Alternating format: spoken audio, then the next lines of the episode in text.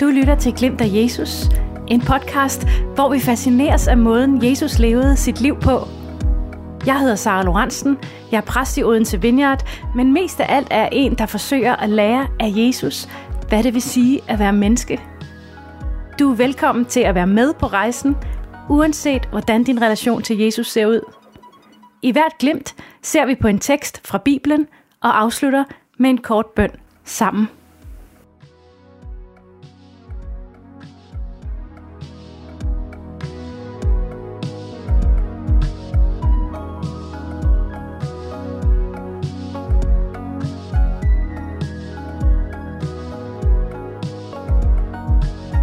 Velkommen til det sidste afsnit, før Glimt af Jesus går på sommerferie. Det har været helt fantastisk at få lov at dele min rejse med at fange mere af Jesu personlighed. Og jeg glæder mig bare så meget til at fortsætte den i september. Der er så mange dybder af ham at udforske, og jeg mærker bare selv, at jeg dagligt længes mere og mere efter hans selskab hver eneste time, og ikke bare sådan indimellem, når jeg lige kommer i tanker om ham.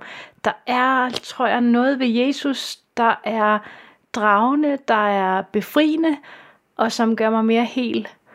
Og måske er det, fordi han dybest set er vores ultimative skæbne, fordi mit sande selv er Kristus i mig, fordi vi er forbundet og altid har været ment til at være forbundet. I så fald kommer jeg aldrig til ikke at have brug for at zoome ind på Jesus, opdage mere af, hvem han er, hvordan han taler, hvordan han agerer, hvad der rører sig i hans hjerte. Så juhu, eventyret er kun lige begyndt, og jeg har på fornemmelsen, at det ikke holder pause for nogen af jer, selvom at der ikke lige udkommer afsnit hen, hen over sommeren, øh, måske tværtimod. Og derfor er I også bare så velkomne til at sende feedback eller idéer eller spørgsmål til mig. Det kan være sider af Jesus, I har undret jer over, eller kunne have lyst til at udforske nærmere. Det kan være noget, han har sagt, I synes, der kunne være interessant at tage op. Hvad som helst, så vil jeg elske at høre fra jer.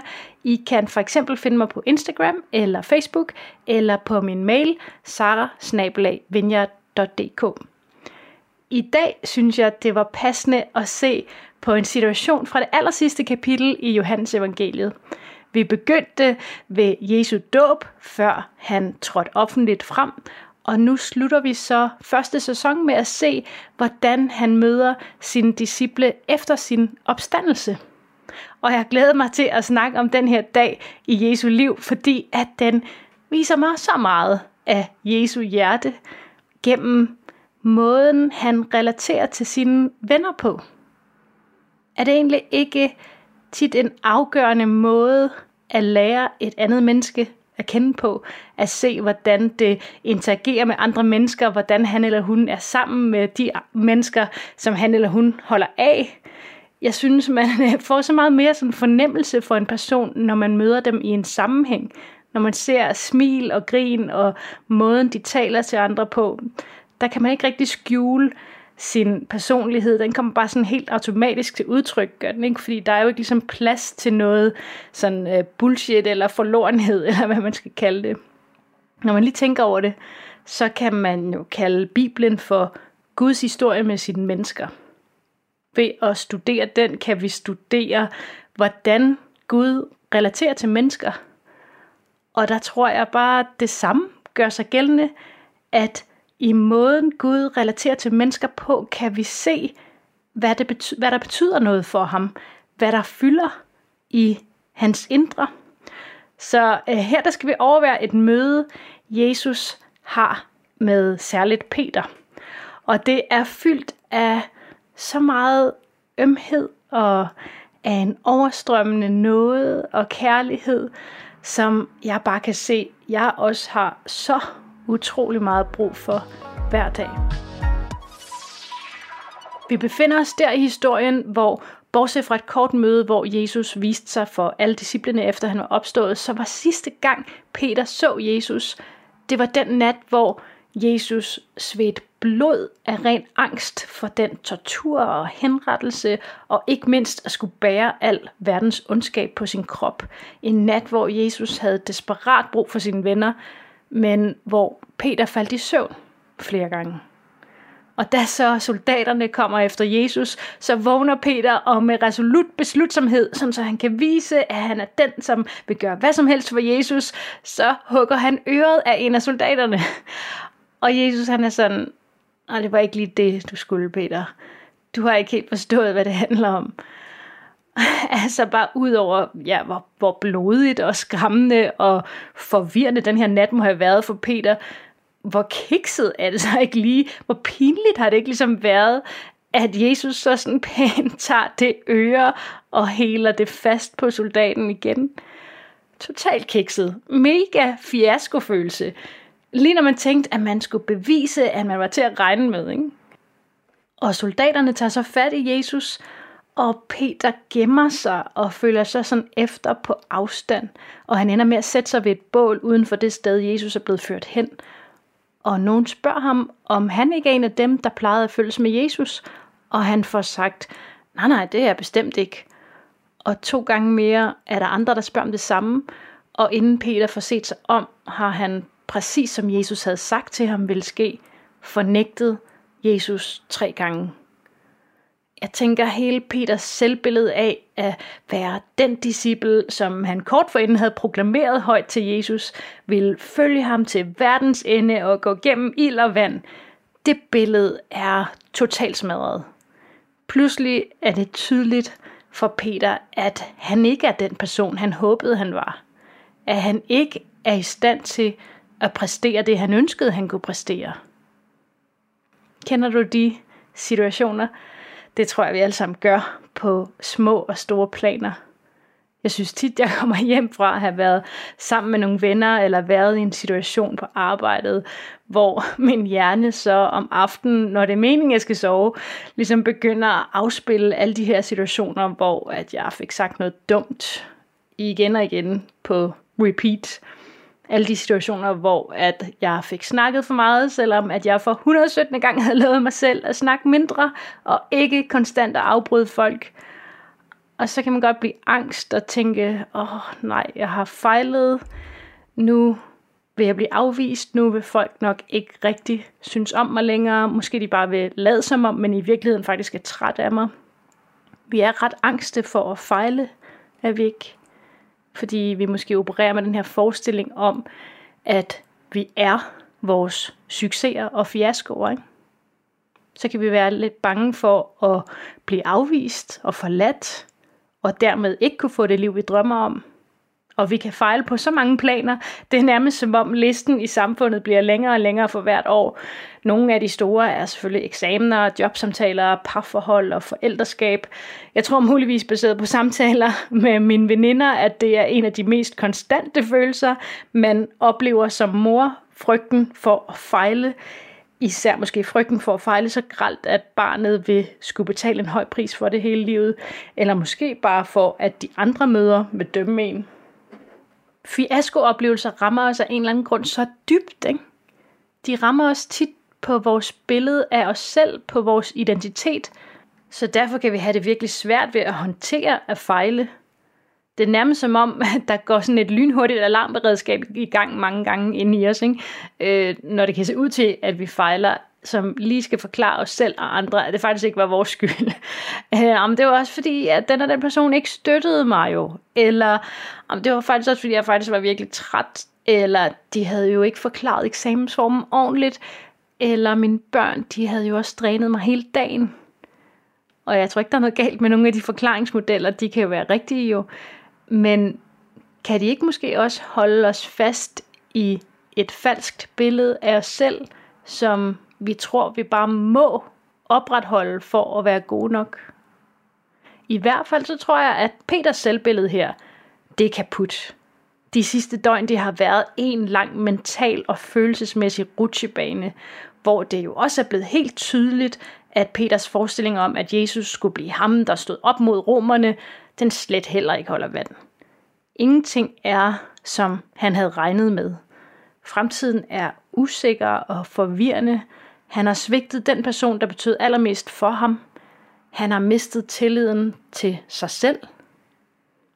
Og så er det, at vi kommer ind i det her møde. Så lad os læse fra Johannes 21 og jeg læser det lige lidt i bidder. Senere viste Jesus sig igen for nogle af disciplene. Det gik sådan til. Simon Peter, Thomas, Nathanael fra Kana i Galilea, Jakob og Johannes samt to andre disciple var samlet ved Galileasøen. Simon Peter sagde da, jeg tror, jeg tager ud og fisker. Så tager vi med, sagde de andre. De gik i båden og sejlede ud, men de fangede ikke noget hele den nat. Da det begyndte at blive lyst, fik de øje på en mand inde på bredden. Det var Jesus, men de genkendte ham ikke. Han råbte ud til dem, har I fanget noget, venner? Nej, råbte de tilbage. Kast nettet ud på højre side af båden, råbte han til dem. Så skal I nok fange noget. Det gjorde de så, og de kunne umuligt hale nettet ind på grund af alle de fisk, der var i det. Den disciple, som Jesus holdt særlig meget af, vendte sig til Peter. Det er Herren, sagde han. Simon Peter havde taget sin yderkjortel af for bedre at kunne arbejde, og den bandt han nu om livet. Så hoppede han ud i vandet, mens de andre blev i båden, for de var kun cirka 100 meter fra land. Nettet med de mange fisk trak de efter sig i vandet, mens de roede ind mod land. Da båden var nået ind til bredden, sprang de seks disciple i land, og de så, at der var tændt en trækulsild, hvor nogle fisk var ved at blive stegt, og der lå også nogle brød. Jesus sagde, Kom nu med nogle af de fisk, I har fanget. Så var Simon Peter i land og trak nettet fuld af fisk efter sig. Der var 153 store fisk, og nettet var ikke engang gået i stykker. Kom nu og få noget at spise, sagde Jesus. Ingen turde spørge, hvem han var, men de vidste alle, at det måtte være Herren. Jesus gik nu rundt og delte brød og fisk ud til dem. Det var tredje gang, han viste sig for disciplene, efter han var opstået fra de døde. Fantastisk situation. Peter er rystet og mentalt udmattet, så han tænker, jeg gør det, jeg ved, hvad er. Jeg tager ud og fisker, så jeg kan komme lidt væk. Og en del af de andre disciple tager med, men de fanger ingenting. Og så kommer Jesus, selvom de ikke kan se det ham, formentlig fordi Jesus går rundt i sit opstandelseslame som sit sande selv, det slags lame, han fortæller, vi også i dag skal få. Meget surrealistisk. Mærkeligt som det er, så genkender de ikke Jesus, men han møder dem på samme måde, som da han tre år tidligere kaldte dem til at følge ham. Han giver dem en instruks, og de adlyder den, og så er der pludselig 153 store fisk i nettet. Jeg ved, om Jesus allerede første gang han kaldte dem, vidste, at de alle sammen ville svigte ham, og at han ville møde dem igen og vise dem, hvad det virkelig handler om. Måske han klukkende har glædet sig til den her dag. Jeg ved det ikke. Men han har i hvert fald tydeligvis planlagt det her møde. Der er noget vigtigt, han vil. Så lige så omsorgsfuldt, så har Jesus samlet brænde og startet et varmt bål, efter de har været ude på havet hele natten. Et bål, der næsten må have mindet Peter om det sidste bål, han sad ved, da han fornægtede Jesus. Og så har Jesus sørget for morgenmad og hygge på stranden. Så omsorgsfuldt og mildt, synes jeg, at Jesus kommer og møder os lige der, hvor vi er, med det, vi trænger mest til.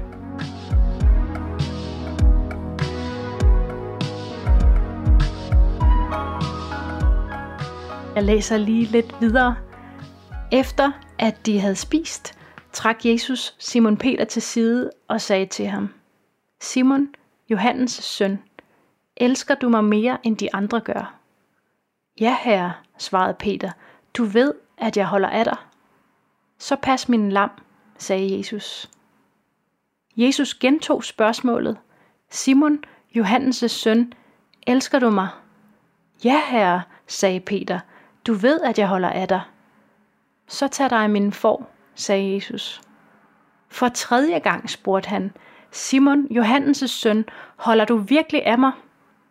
Peter blev bedrøvet over, at Jesus stillede det samme spørgsmål tre gange. Herre, du kender alle ting, sagde han. Du ved, at jeg holder af dig. Så pas min får, sagde Jesus. Derefter fortsatte han. Det siger jeg dig, Peter. Da du var ung, bandt du selv et bælte om livet og gik hvorhen du ville.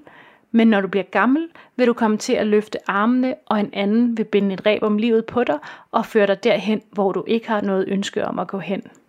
Jesus sagde de ord for at tilkendegive, hvordan Peter skulle dø til Guds ære.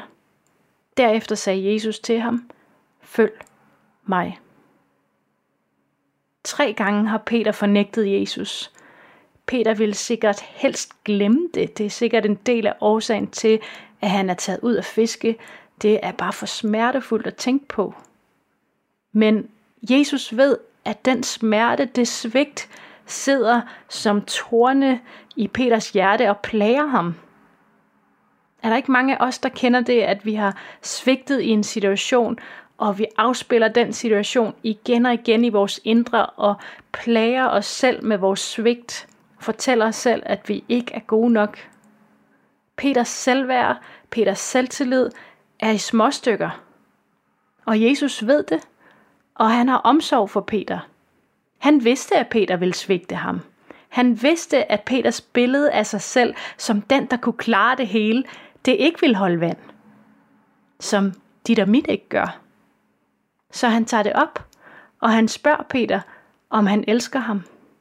Og på græsk der er der fem forskellige ord for at elske. Og det ord, Jesus han bruger, når han spørger Peter, det er ordet agape. Det er sådan den ypperste form for kærlighed. Det er den der, jeg vil gå gennem ild og vand for dig kærlighed. Det er den måde Gud elsker på. Det er sådan en alt opslugende, intens kærlighed. Og Peter svarer med ordet filio. Jesus, du ved, jeg holder af dig, er det oversat til på dansk. Det er sådan en mindre kærlighed, en mere familiær kærlighed. Og anden gang spørger Jesus på samme måde, og Peter svarer på samme måde. Tredje gang, Jesus han spørger, der bruger han så ordet filio. Holder du virkelig af mig, Peter? Og Peter svarer ja alle tre gange, lidt såret over, at Jesus ikke ved det, og må spørge tre gange. Og hver gang svarer Jesus, så pas på min får, det vil sige dem, der følger efter Jesus. Peter han har nok regnet med, at samtalen skal handle om, hvordan han har fejlet og svigtet. Men tre gange, lige så mange gange som Peter fornægtede Jesus, så giver Jesus Peter mulighed for genoprettelse og heling ved at lade ham forstå, at det eneste, der tæller for Jesus, for at kunne følge ham og tjene ham, det er, om Peter elsker Jesus. Og Peter ved, at han ikke med integritet kan hævde, at han elsker Jesus med den kærlighed, hvor man vil gå gennem ild og vand, for han har jo lige set, at han ikke formåede at elske på den måde. Men Jesus bliver ved med at pege på, at det at elske ham, det er det eneste, der tæller. Også selv om vi bare starter med at holde af ham. Også selvom vi fejler. Måske det var helt nødvendigt for Peter at fejle, for at han kunne forstå, hvordan Jesus virkelig følte for ham. Hvordan han elsker Peter for den, han har skabt ham som, ikke for hvad han gør. For han ved, at Peter er et fejlbarligt menneske jo. Som du og jeg. Vi læser lige de sidste par vers. Peter vendte sig nu om og så, at den disciple, som Jesus holdt særligt meget af, var på vej hen imod dem. Det var ham, som ved påskemåltidet havde lænet sig op af Jesu bryst og spurgt, Herre, hvem er det, som vil forråde dig? Så spurgte Peter, hvad med ham, herre? Hvordan skal det gå ham? Hvis jeg vil, at han skal leve, indtil jeg kommer igen, svarede Jesus. Hvad angår det så dig? Følg du mig. Det er så typisk menneskeligt det her, er det ikke? Med det samme vi får en opgave, så bliver vi nervøse på, hvordan vi vil klare det, og vi begynder at sammenligne os. Hvad med de andre? Det ligner, at de har flere evner og flere gaver. De ligner, at de er noget længere i deres liv. Deres liv ser ud til at være lettere. Det ligner, at de har fået bedre træning. Hvordan kan jeg vide, at jeg gør det godt nok? Er jeg den bedste? Er jeg den, du bedst kan lide? Fordi jeg gider kun, hvis jeg er den bedste. er det ikke som om, vi tror, vi skal være unikt gode til noget for at klare os? I modsætning til at være unikt elskede for, hvem vi er. Sammenligning er glædens tyv, som Theodore Roosevelt engang sagde. Og Jesus han siger bare, jamen det er ikke relevant for dig, Peter, hvad Johannes han skal. Hans relation til hver af dem er unik. Og så synes jeg, det er lidt skægt, fordi det er jo disciplen Johannes, der har skrevet det her. Og når han så skal omtale sig selv i historien, så skriver han, den disciple Jesus elskede. Særlig meget af har de oversat det til i den hverdagsdanske her. Det er ordet agape, der er brugt her. Altså, er jeg den eneste, der nogle gange har tænkt, altså, hvad sker der lige for ham Johannes? Er han enten utrolig arrogant, eller bare mega upassende igen og igen? Det er faktisk seks gange i Johannes evangeliet, at han refererer til sig selv som den Jesus elskede.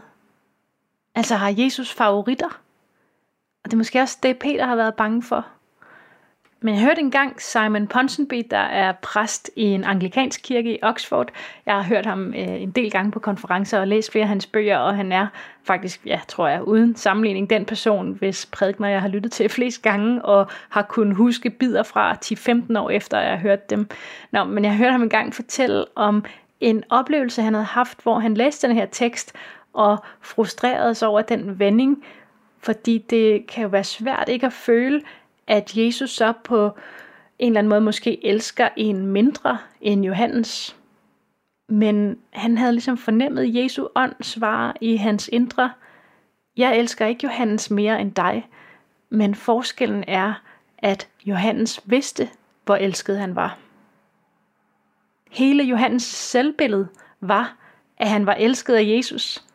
Han havde forstået det tidligere end de andre disciple. Han vidste, at Jesu kærlighed til ham var så øm, at han kunne læne sig trygt ind mod hans bryst, ligesom alle de andre kunne have gjort, hvis de havde turet. Men de var travle med at hævde sig selv og med at bevise, at de var seje, var de ikke? De var ikke fokuseret på Jesu kærlighed. De var fokuseret på at imponere Jesus. For det er det, man prøver, hvis man ikke føler, man er værdig til kærlighed. Er det ikke? Men Johannes han må have opdaget, at alt ved Jesus handlede om kærlighed. Han må have taget imod den kærlighed så meget, at han ligesom levede i den. Alle hans tre breve i det nye testamente handler om kærlighed, om hvordan Gud har elsket os først, om hvordan der ingen frygt er i Guds kærlighed, om hvordan Gud er kærlighed. Og seks gange i hans breve skriver han, elskede venner. Jeg tror ikke, Johannes mener, at han er mere elsket end andre, men det er som om, at det er blevet den alt overskyggende måde, han forstår sig selv på. Det er på en måde forvirrende, ikke? at Jesus spørger Peter, om han elsker ham. Er det ikke? Måske i virkeligheden vores billede af Jesus og hvordan han eventuelt relaterer til mennesker, det afsløres i, hvilken reaktion vi har på det spørgsmål. Altså jeg tænker, hvis man ser Jesus som sådan en form for guru, et godt forbillede, så er det ligesom ret upassende, er det ikke? Hvis man ser ham mere som sådan en slags chef, en man skal adlyde, så er det også virkelig ubehageligt på en eller anden måde, ikke? Men måske er den her situation en af dem, der viser allerbedst, hvad det er for en relation, Jesus leder efter – og selve det er jo forvirrende, ikke? I hvert fald, hvis man tror, at han er Gud selv inkarneret. Hvordan kan han så have brug for noget? Den hollandske teolog Abraham Kuyper, der levede i slutningen af 1800-tallet, skrev, Selv Guds hjerte tørster efter kærlighed. Det gamle testamente er fyldt af tekster, der bekræfter det, især de profetiske og nogle af de poetiske bøger, Højsangen portrætterer Gud som en, der er syg af kærlighed efter mennesker. Hoseas bog fortæller om, hvordan Gud er jaloux efter menneskers kærlighed. Hvordan hænger det sammen med den Jesus, der ikke mangler noget, der hele tiden finder sin hvile i Gud? Kan det være, at det vi nogle gange får forvekslet med kærlighed, det faktisk er bekræftelse eller begær? Jeg ved det ikke. Et andet clue er måske netop, at Jesus konstant søgte kærligheden fra faderen og helligånden. Gud selv er en kærlighedsrelation. Han kan ikke ikke søge kærlighed. Kærlighed er hele hans væsen, hele hans MO. Og hvis Jesus kommer til os som menneske for at dø, for at give sig selv helt og fuldt til os, så er det ud af kærlighed, fordi han vil have os med i den kærlighedsrelation. Fordi han længes efter at få lov at være et med os, som han beder i Johannes evangeliet kapitel 17. Ikke fordi han ikke er helt i sig selv, men fordi kærlighed altid flyder over og vil forening. Jeg tænker, det må være noget af den kærlighed, Johannes har forstået mere af end Peter her. Peter han brugte de næste 30 år på at fortælle om den kærlighed og noget, Jesus møder mennesker med, indtil han i år 64 under kejser Neros forfølgelse af de kristne også blev dømt til korsfæstelse. Faktisk er der historikere, der fortæller, at Peter fandt sig selv for uværdig til at blive henrettet på samme måde som Jesus, så han bad om at blive korsfæstet med hovedet nedad. Må ikke han har afspillet den her samtale med Jesus i sit hoved resten af sit liv? Hver eneste gang han er kommet til kort. Det eneste Jesus spurgte mig om, var om jeg elsker ham. Han var ikke interesseret i, at jeg havde fejlet. Han var interesseret i mit hjerte. Jeg kan aldrig fortjene hans kærlighed. Jeg kan aldrig bevise mig selv over for ham. Jeg behøver slet ikke være bange for at fejle. Jeg kan bare tage imod hans kærlighed og noget igen og igen og igen og igen. Hvad hvis alle vores fejl og begrænsninger og uheldige beslutninger i virkeligheden har potentiale til at vise os, hvor meget Jesus elsker os.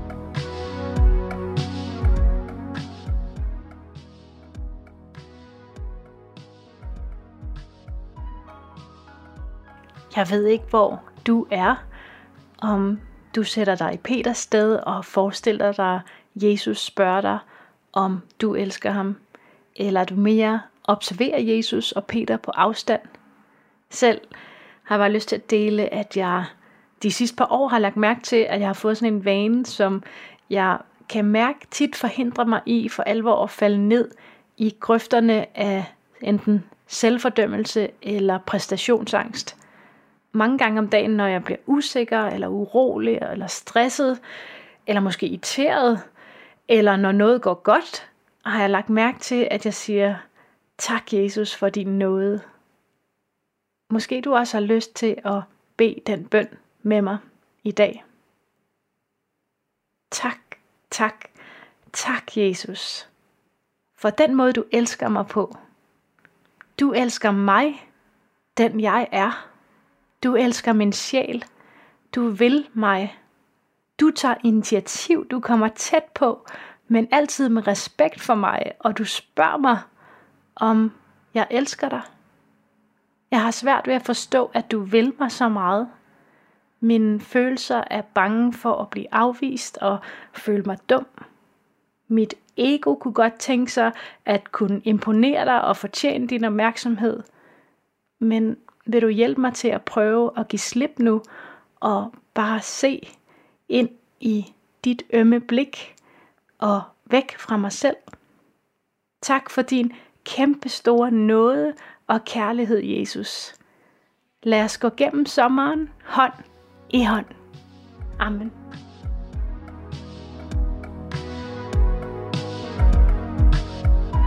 Tak fordi du lyttede med. Klik endelig abonner på Glimt af Jesus, der hvor du hører podcasts. På den måde er der flere nysgerrige på Jesus, der kan få kendskab til os. Du er også meget velkommen til på Instagram at følge mig eller Laundry.dk, der producerer den her podcast og andet godt indhold om tro. Tusind tak til Sonar Music, og vi håber, at du vil opleve glimt af Jesus i løbet af din dag.